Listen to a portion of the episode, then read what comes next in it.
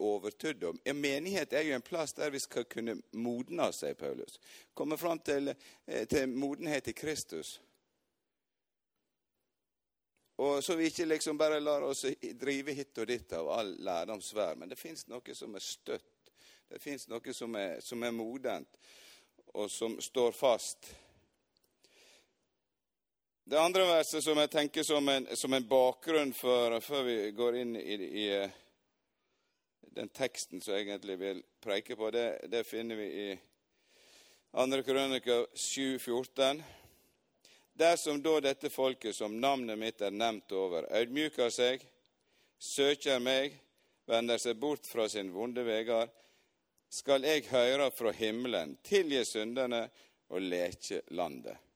Det er en fantastisk lovnad en finner, som er mange vekkelser, på en måte. Så er det mennesker som, som har kjent det ordet på sitt hjerte, og som kjenner at eh, når en ber i forbønn, når en ber strider for andre i bønn, når en strider for, for folk, for land, for menighet, for venner, for familie, så er dette et fantastisk eh, Og når jeg tenker på Daniels bønn, som vi skal se på, så ser du at eh, han har skjønt det. Dette er på en måte en, en, den måten en nærmer seg Gud på. En ødmyker seg sjøl. En søker Han. En vender seg bort fra det i vårt liv som er feil, og som er synd. Og da er det og så ber vi til han, og da kommer, da kommer Gud. Da står vi i pakt med Gud. Altså, dette er en fantastisk lovnad. Da, kommer han, og det første han gjør, han tilgir. Tilgivelse det er legedom, ikke bare for et hjerte og for et enkeltmenneske, for et fellesskap, men det er legedom til og med for landet. Det påvirker hele skaperverket. Når Gud får flyte med sin tilgivelse gjennom våre liv som som uh, kjenner Jesus, så er det en legedom ute i landet. Det er en legedom for vår sinn, for vår, for, for vår kropp. Tilgivelse en, det, det, er en fantastisk, det er den beste åndelige medisinen du kan få tak i. Tenk, det fins en som kan tilgi synd. Og så er det en tekst i, eh, i Amos 3,7. En liten, enkel greie. Det står at eh, Herren Gud gjør ikke noe uten at han åpenbærer sitt løgneråd for tjenerne sine, profetene. Og Det er også tenker jeg, en sånn bakgrunnsgreie når vi ser på Daniel. At uh, han så noe. Han fikk en åpenbaring. Og det var en sånn kraft, det var en motivasjon i bønna hans. Det begynner ikke i hans hjerte. Det begynner ikke i hans eh, Det er ofte sånn eh, når vi, når, når vi forteller vårt eh, vitnesbyrd, sånn, så tenker vi Det, det begynner i det klesskapet, f.eks. Og det gjør det når vi forteller det med vårt blikk. Men vi skal bare vite at det, ingenting begynner i et klesskap. Ingenting begynner med mitt liv. Ingenting begynner når jeg var født en gang. Ingenting begynner med mine foreldre og forfedre det begynte for lenge siden. Du blir kobla på en strøm fra himmelen som begynner fra du er skapt, ifra at Gud kledde etter fallet. Så, så, så, så tok han livet av et, av et, dyr og kledde de som var nakne. Og det er et pakt. Og Noah og Abraham gjorde Gud pakte med blodspakt, og Moses. Og så den nye pakt i Kristus. Du blir kobla noe som er uendelig, som går helt fram til begynnelsen. Og det, det, er bare å være klar over det når vi kommer inn og ber for Gud, for folk og land. At, du, at vi kobler på det som, som, er svært. Det som går helt tilbake igjen. Det er omtrent som forskjellene på at hvis du står og, med et eller annet lite elektrisk kjelle, i stedet for å koble på Ytre Fjordane kraft Det fins så mye kraft der. Hvis en bare kobler på men det er, det er, en bevissthet når du ser på Daniel også. Han er så bevisst at uh, han står ikke alene. Dette er, det er ikke egentlig noe som gjelder hans generasjon. Han har kobla på noe som har vært i generasjon i generasjon, helt tilbake til skapinga, når Gud skapte. Mitt og ditt eh, vitnesbyrd begynner egentlig i skapinga. Men Paulus sier vi er utvalgt i Kristus før han skapte. Der var det det begynte. Og en bevissthet om hva ting begynner, det er, det er så viktig. For at det, det, du, står, du har en sånn tyngde bak deg når du står i det. Det er omtrent som om du har tusen stykker bak deg, og du skal åpne ei dør, og de skubber deg i ryggen. Da, da går du gjennom døra enten du vil eller ikke. For du står på linje med en kilde. Du står på linje, du står på kobla til Ytre Fjordane. Og da, er det kraft til å drive. Sånn at eh, han, Hansen han legger vekt på at eh, bønnekjempe det er, det er et bilde altså han bruker, det er vaktmenn på murene. Og I Esekiel 3,17 står det eh, eh, Gud kaller han. Jeg har sett deg til vekter for Israel. Du, der, eh, du skal høre fra meg, og du skal tale til folket. Og Hvis jeg advarer folket, skal du tale. Hvis jeg, eh, Det profetiske talet er høre fra Gud, og så tale til rettledning, oppmuntring og trøst. Det, det, er på en måte det som er kobla til bønn, det, det, det, levende livet med Gud. Ok, Daniel 9, 1-19. Det er faktisk kanskje en av de lengste bønnene i, som er skrevne i hele Bibelen. Jeg tenkte Noe av det, det, som lærer meg mest om bønn, det er å lese bønner som er skrevne i Bibelen av Guds menn og kvinner som har stått i, i forskjellig styr før meg. Og, og, det å lese det, Vi, vi kunne, vi kunne lest mange bønner. Eh, Paulus har fantastisk mange bønner. Og, eh, men nå leser vi Jeg tror jeg bare leser gjennom den, og så tar vi noen punkt. Og så får jeg kikke på klokka, så ikke vi punkterer helt. 9, 1 til 19. Det er, det, er langt stykke å lese, men egentlig leser du på 3 minutter og 20 sekunder. eller et eller annet sånt. For oss kan vi tenke det, det var det svært å lese så mye. Men det er 19 vers. Jeg skal ta en liten eh, som vi kommer helt gjennom her. I det første året Dairos sønn til ja, Jeg hopper over dette, det blir feil. Det var en uh, A-konge. Han var eh, av mediskhet og hadde vært konge over Kaldea-riket. I det første styringsåret han, hans oppdaga jeg, Daniel, i bøkene hvor lenge Jerusalem skulle ligge i røys, etter Herrens ord, til profeten Jeremias. Vet du, Det var ikke bøker han hadde, da, men han hadde rulla. Og det er det første at, at eh, Daniel han, han fant fram boka i skapet. Så han var ikke bare en som ba, men han var en som las. Det var en som kjenner til historia. Etter profeten Jeremias, det var 70 år, jeg vender meg til Gud, til Herren Gud, for å søke Han med bønn og rop om nåde eh, og faste i sekk og aske. Jeg ba til Herren min Gud og vedkjente. Og Herre, du store og skremmende Gud, som held, pak, pakta og viser miskunn mot de som elsker deg, og held dine båd. Vi har synda og båret oss ille åt, gjort urett, vært trassige og vek av fra dine båd og dommer. Vi har ikke hørt på tjenerne dine, profetene, som taler i ditt navn til kongene våre, stormennene og fedrene og til alt folk i landet. De er rettferda, Herre, og vår er skamma. Slik er det i dag med judamennene og de som bor i Jerusalem og i hele Israel, både de som er nær og de som er langt borte, i alle de land du dreiv deg bort, fordi de hadde vært truløse mot deg. Ja, Herre, oss tilhører skamma, oss og kongene våre, stormennene, fedrene, for, for, for vi har synda mot deg. Hos Herren vår Gud er miskunn og tilgjeving. Vi har gjort opprør mot Han. Vi hører ikke på Herren vår Gud og følger ikke lovene Hans, som Han gav oss ved tjenerne sine profetene. Hele Israel brøt de lov, vendte seg bort og hørte ikke på deg. Derfor har den forbanningseiden som er skrevet om i lova til Moses, Guds tjener, kommer over oss, for vi har synda mot Han. Han satte i verk det som det ordet han taler mot oss og mot styrerne som styrte over oss. Han sendte over oss ei ulykke så stor at det ikke fins en stad under himmelen der det har hendt noe slikt som i Jerusalem. Etter det som står skrevet i Moselova, kom all den ulykka over oss. Men vi prøvde ikke å vinne velvilje for Herren, vår Guds andlet. Vi vendte ikke om fra vår synd og prøvde ikke å forstå de sanning. Derfor hadde Herren støtt ulykka for øynene og førte henne over oss, for Herren vår Gud er rettferdig i alt han gjør, men vi hører ikke på han.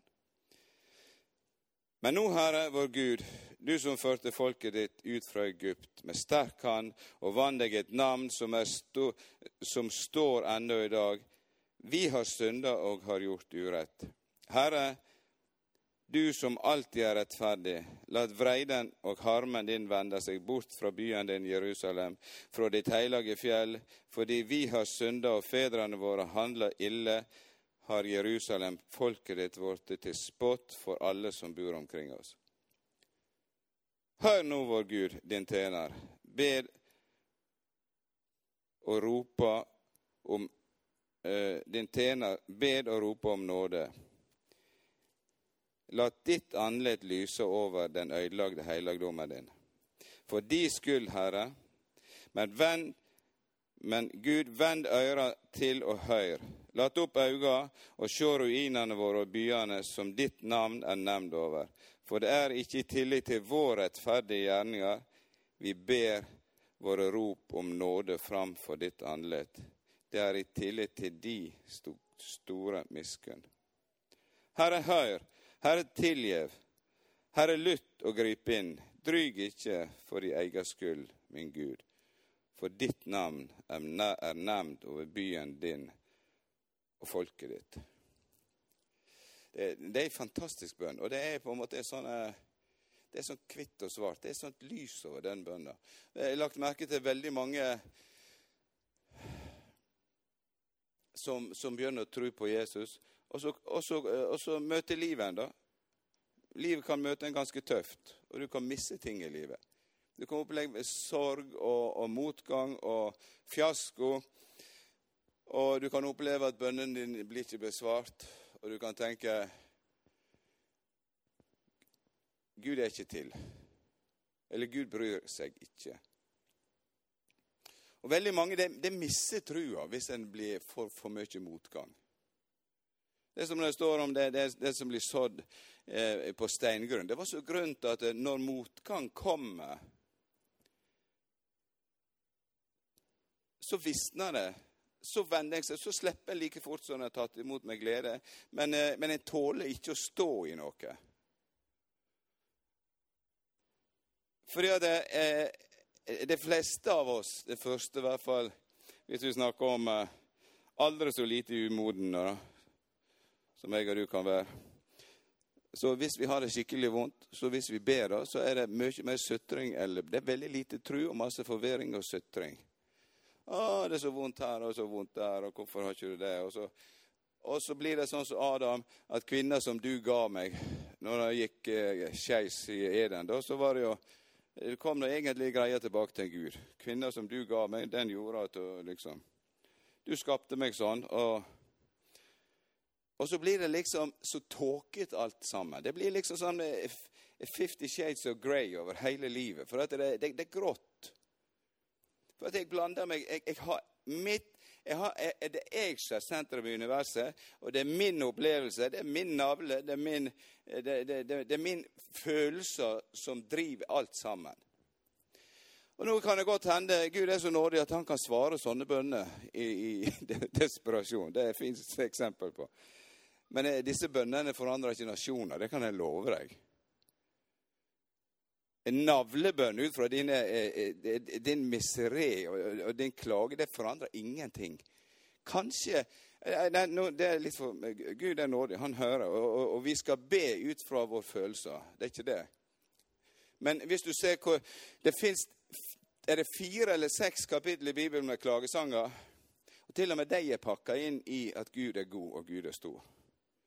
Alle salmene der en klager og sutrer og, og legger fram det som er vanskelig, det er først, så begynner først med lovprisning av Gud, og så endrer det med lovprisning av Gud. Og så, eh, så ligger klager akkurat som en hamburger i eh, en sånn greie. Det er det jeg ser i Bibelen. Eh, vi må pakke inn den klaga vår og ellers tror jeg at vi kan utøse vårt hjerte.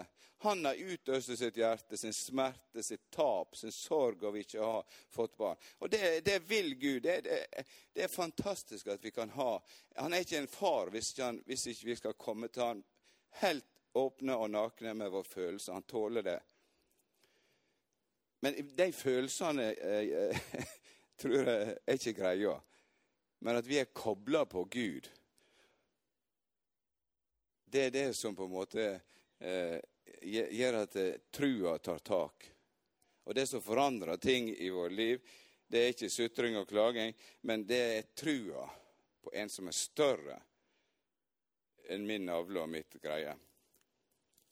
Og eh, Denne her Daniels bok er, er jo en fantastisk eh, den, den, er så uh, heftig at uh, jeg, føler hodet mitt nesten Eh, det, det, er så fullt i ting når jeg leser Daniels bok, at uh, jeg vet ikke hva jeg skal uh.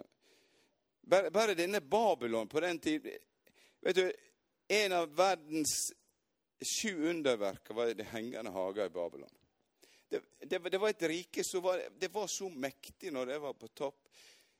Babylon, i hvert fall Herodot, han, han eh, som var historieskriver på den tida, han, beskriver det sånn at det, det var 22 km mur på én side. Så var det en firkantet kvadrat på 22, det er ni mil rundt Babylon ca. Og når de skulle lage en by som, var, som virker, virkelig var en festning, så det var trygge for folk rundt ute i denne ørkenen der nede, så, så, så grov det så det var vann rundt der. Og så, og, så, og så, grov de murer ned, så de grov ti meter ned. Noen er entreprenører her og kan forestille seg dette her arbeidet. Ni mil. Det første du gjør, du graver 10 meter ned, og så graver du 25 meter bredt. Det vil si, Skal du sette opp en mur på den greia, så må du, betale, så må du grave litt dypere og litt, i hvert fall litt bredere. Og så graver du ni mil med dette greia. Herifra nesten eh, Altså inn i Håndalen. Og så, og så murer det en mur, da. Ti meter opp, så er det oppe i bakken. Og så murer han 90 meter høye. 25 meter brede. Altså, det, det, er ikke løye at folk i en sånn, på den tida at de, de hadde en all liten grad av arroganse når de kom inn i Babylon. De hadde hundrede porter med kåpeporter med en, et navn på en gud på hver port.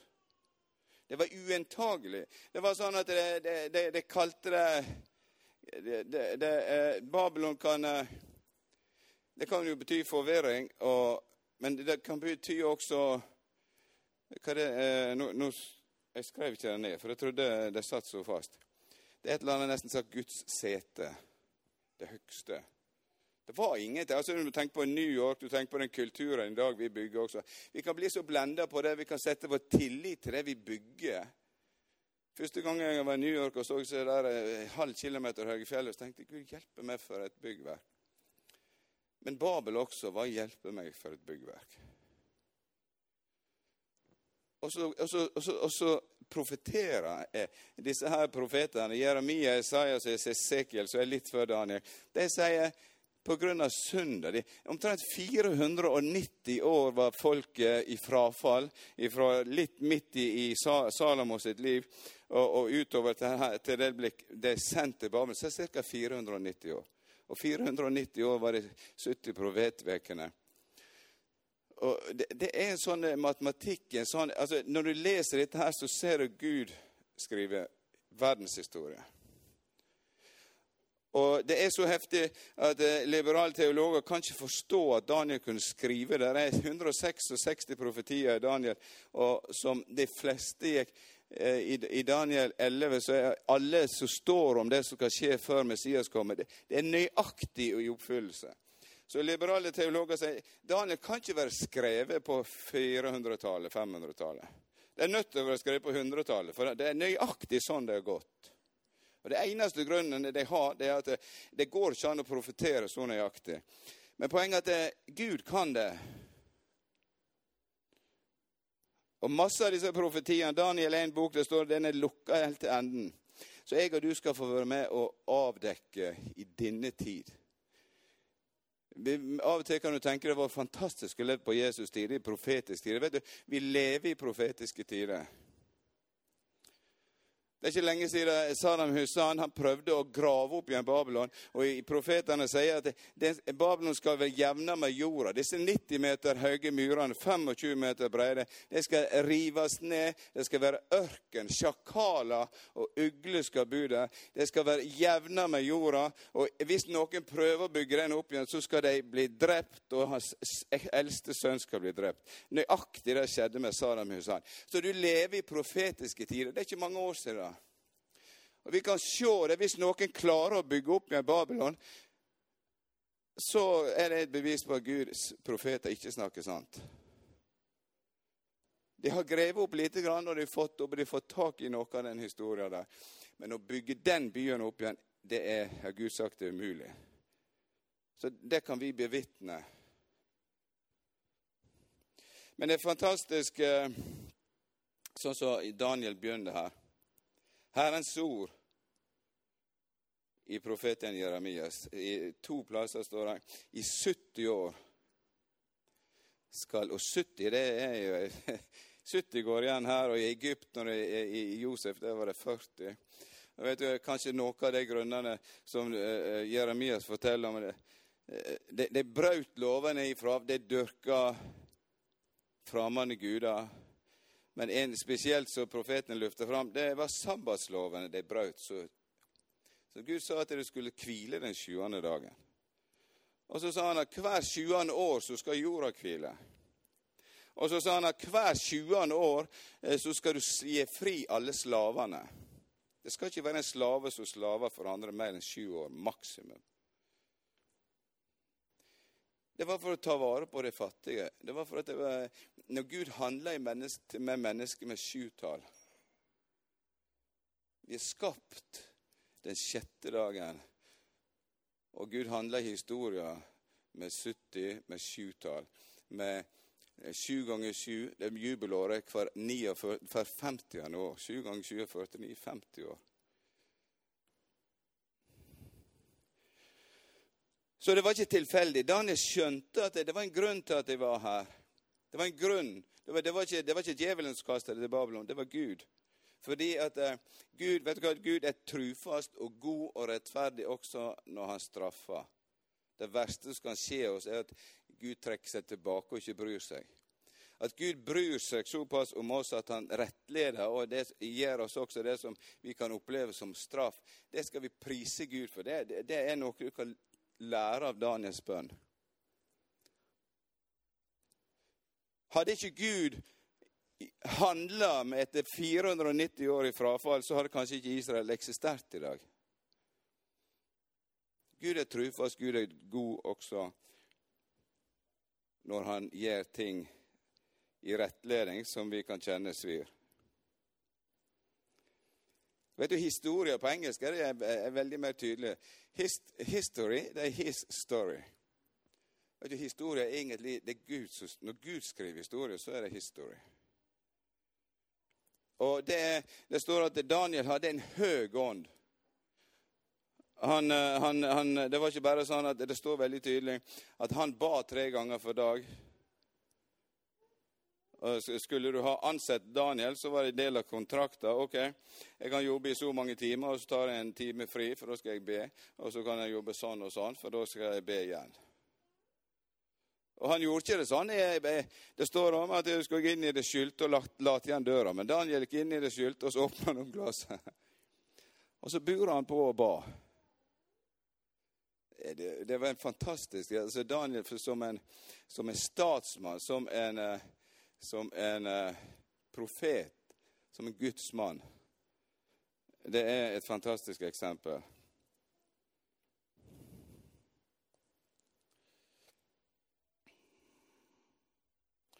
Daniels bok er historier om drømmer og mirakel. profetier, at Gud skriver historier som ennå ikke er fullført, som vi kan få del i. Men han, han, han, han grunner sin bønn og sin tro på Guds karakter, på at Gud har vært trufast, for han kjenner his story. Han kjenner Guds historie. Han har, han har lest profetene. Og han, han eh, Noe av det første her også han sier jeg ba til Herren min Gud og vedkjente, og Herre, store og skremmende Gud, som held pakta og viser miskunn mot de som elsker deg og helt dine båd. Daniel kjente paktene. Han vet at israelsfolket, Gud har gjort en pakt med israelsfolket. Så selv om, selv om det nå var, var, var, krise og en kan tenke at Han las jo at om 70 år så skulle det Dette her var sannsynligvis i år 5 37-38, tre-fire år før eller to-tre år før det var gått 70 år. Så kunne jeg tro at jeg, da kunne jeg bare slappe av, da, for Gud har sagt det skal bli sendt tilbake. Så eh, liksom, Gud har jo sagt det, så. Men vet du, eh, det var John Wesley som sa det sånn For han ser det ut eh, John Wesley sa, for meg ser det ut som Gud gjør ingenting på jorda hvis vi ikke ber. For Wesley ser det ut som var, var liksom uh, han som var den som begynte den metodistiske vekkelse. Så ser det sånn ut. Og det ser ut som at, at Gud gjør seg avhengig av at vi det, det, er nesten sånn som står det i, om menigheten i Laudikea, at, at Jesus står utafor og banker på døra, og så er nøkkelen og klinker på innsida. Vi må åpne opp. Og Nå kan ikke vi si eh, absolutt Gud kan sikkert gjøre masse uten at vi ber. Men eh, det ser ut som eh, det, det, viktigste tinga, både i historien og våre liv, det gjør Gud med å samarbeide med oss. Han, han, han, bryter ikke seg på. Og Jeg tror Daniel skjønte noe av dette her. Dette her er det profet, dette er Guds vilje. Jeg slipper å be om at Guds vilje skal skje, for det ser jeg. Men det som jeg ser, at uh, måtte det være sånn at uh, folket også omvender seg. Det måtte være sånn at Gud blir stor. For ikke, ikke bare noe, men for og, og, og veien tilbake for Daniel Den er første han gjør. Han ber.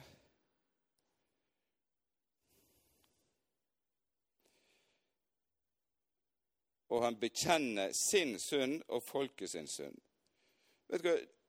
Jeg, skulle likt å høre når han bekjenner sin synd. For jeg, jeg, tviler ikke på at Daniel var i stand til å synde. Men eh, Bibelen er så åpen, og den, den, liksom, den eksponerer synder til alle Guds menn og kvinner som jeg har sett her, omtrent. Jeg kan finne dem her. Eh, nesten litt, til litt glede, da. Selv om det er litt trist. Men i Daniel, hvis du finner en synd som, som står skrevet i Bibelen, som Daniel har gjort, så, så er jeg interessert, for jeg har ikke funnet det. Men det står at eh, han ransaka seg sjøl. Han fant sikkert et eller annet som Gud minte han om. Og jeg tror det kan være i våre liv at Gud setter på et større lys, så kan han minnes om ting. Vil du gi meg det? Du vet at uh, I den gamle pakt var det sånn at du var i pakt, og paktstegnet var omskjærelsen. Men i den nye pakt sier Paulus i Romerbrevet at uh, da snakker han om hjertets omskjærelse.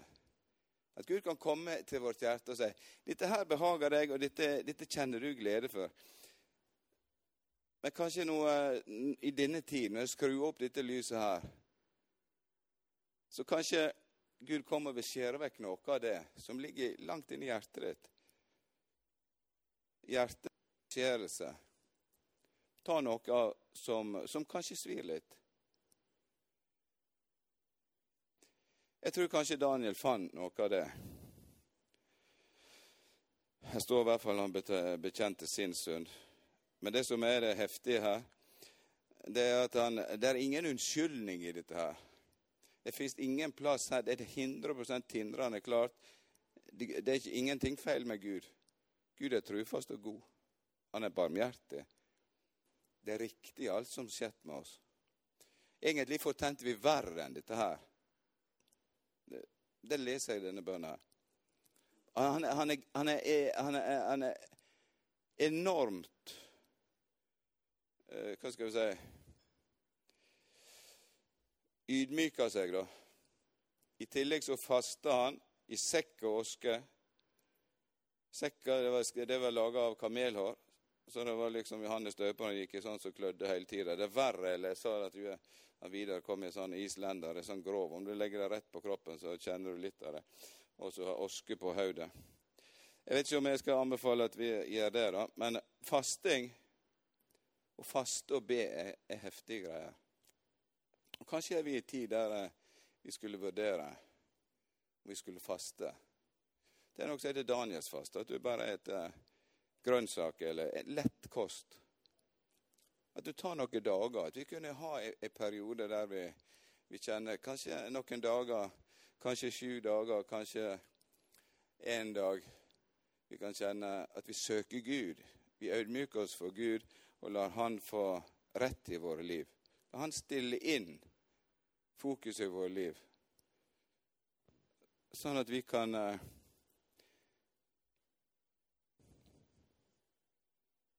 gi oss i bønn for den tid, for, denne, for det som er rundt oss. For at eh, Daniel han ikke bare bekjent sin synd, men det står jeg tror det står sju ganger at han sier 'vi har synda'. Daniel hadde, hadde ikke Han har tatt imot det profetene har sagt. Han har prøvd å leve etter det så godt han kunne. Men han, han, han, han, har, gjør prestetjeneste for folket, og så, og så, ber han folket sin synd fram, og så unnskylder ikke han folket. Og han, skiller ikke mellom at 'dette var ikke meg, dette var den' og denne der. Eh, når, når det er snakk om skyld, så er det veldig deilig å kunne gi skylda på andre. Men vet du hva, de største menn og kvinner de, Det er tre personer som jeg ser som tar større skyld enn de har. Vet du, Moses han sa når, når, når Gud ville eh, støte folket bort og begynne på nytt, så sa Moses støt heller meg bort. Send meg til helvete, så folket kan, kan bli frelst. Det var Moses sitt hjerte. Og Paulus sier det samme om sitt folk i, i Romerbrevet. At uh, himmelske Far, ta meg og send meg til helvete. Han sier ikke akkurat det ordet, men det, det er ingen. Støt meg ut, men, men ta imot folket. Men jeg ser Daniel også har noe av det hjertet. Han sier ikke det tydelig, men Kristus hadde det hjertet. Han sa, 'Støt meg, la meg få smake og være La meg få smake forbannelsen for synda, så folket kan bli frelst. Jeg tror å ha noe av det hjertet, det, det forandrer denne verden. Mer enn noe ting.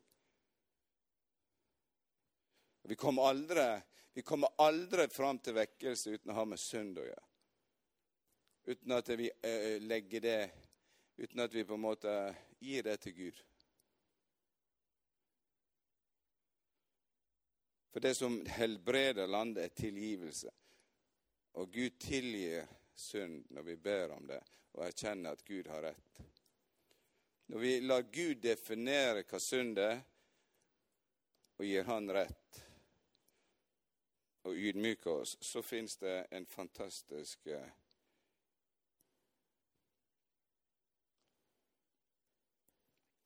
eh, Så jeg bare tar nå det siste her. Jeg skal slutte av her.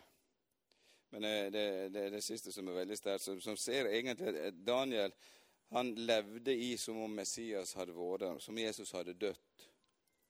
Han sier det at, uh, i, i vers uh, 18. Min Gud, vend øyra til og hør, lat opp auga dine og sjå ruinene våre og byen som ditt navn er nevnt over. For det er ikke i tillegg til våre rettferdige gjerninger at vi ber og roper om nåde for ditt, eh, framfor ditt andlet. Det er i tillit til de store miskunn. Herre, hør, Herre, tilgiv, Herre, lytt og grip inn. Han vet at det, det fins ingenting i meg, det fins ingenting i folket. Det fins ingen rettferdig. Det fins bare én rettferdig. Vi har én eneste sjanse, og det er at Gud Guds rettferdighet. Guds rettferdighet er Kristus. Jeg, jeg, tror Kristus var den fjerde, den fjerde personen i ilddommen i Daniel eh, som, som berga dem ut. Jeg tror de levde veldig sterkt om at det kom en forsoner. Det kom en perfekt rettferdighet. Og det er min og din sjanse, og det er alt folket sin sjanse. At vi bærer det framfor Gud, og det navnet Han har nevnt over oss. At det, på grunn av det, på grunn av at Han har kalla oss sitt folk, på grunn av at vi står i pakt med Ham, på grunn av at Han er rettferdig, på grunn av det Han har gjort gjennom hele Bibelen og kirkehistoria, og det Han har gjort i våre liv. For vi har ikke glemt Herrens velgjerninger. Vi vet at uh, Han var der. Og vi har alle et vitnesbyrd å fortelle om Han som var der. Han var i ilden. Han var når vi trengte han. Og det å løfte det opp til slutt, det er fantastisk. Så sto, så sto, så sto Daniel. Han ba. I 21 dager ba han. Og Dette er bare, selvfølgelig bare noen minutter av bønnen hans, men det er kanskje en essens av det han ba om, og måten han ba. Og hjertet han ba ifra, ut ifra, som var knust men, men ut ifra en tillit til Gud. Så står det når engelen kom til han etter 21 dager pga. det var strid i åndeverden, så, så sier engelen fra, fra den dagen du begynte å be, så gikk det ut et ord. Og nå er jeg kommet for å oppmuntre deg og fortelle deg resten hvordan det går med Israel til det Messias kommer. På, på året forteller han det.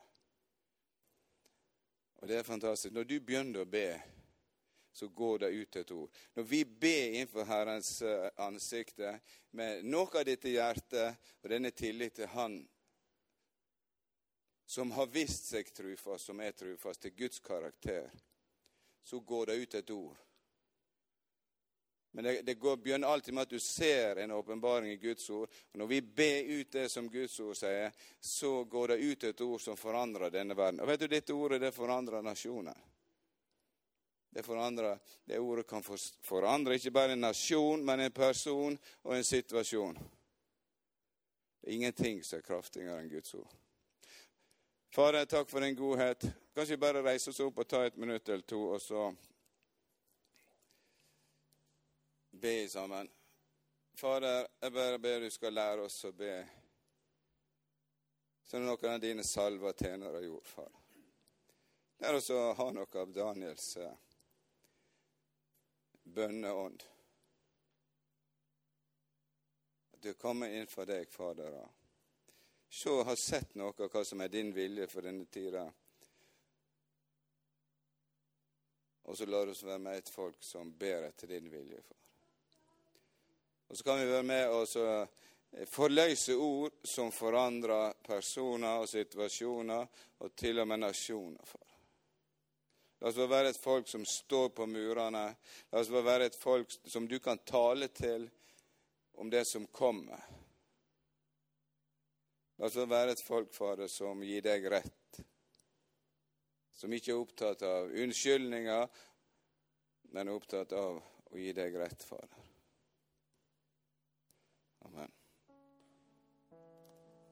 Takk for at du hørte på. Har du spørsmål eller ønsker å koble deg på kirka, ta kontakt på mail eller gjennom vår nettside. Håper du vil høre på neste uke også, eller at vi sees på gudstjenesten.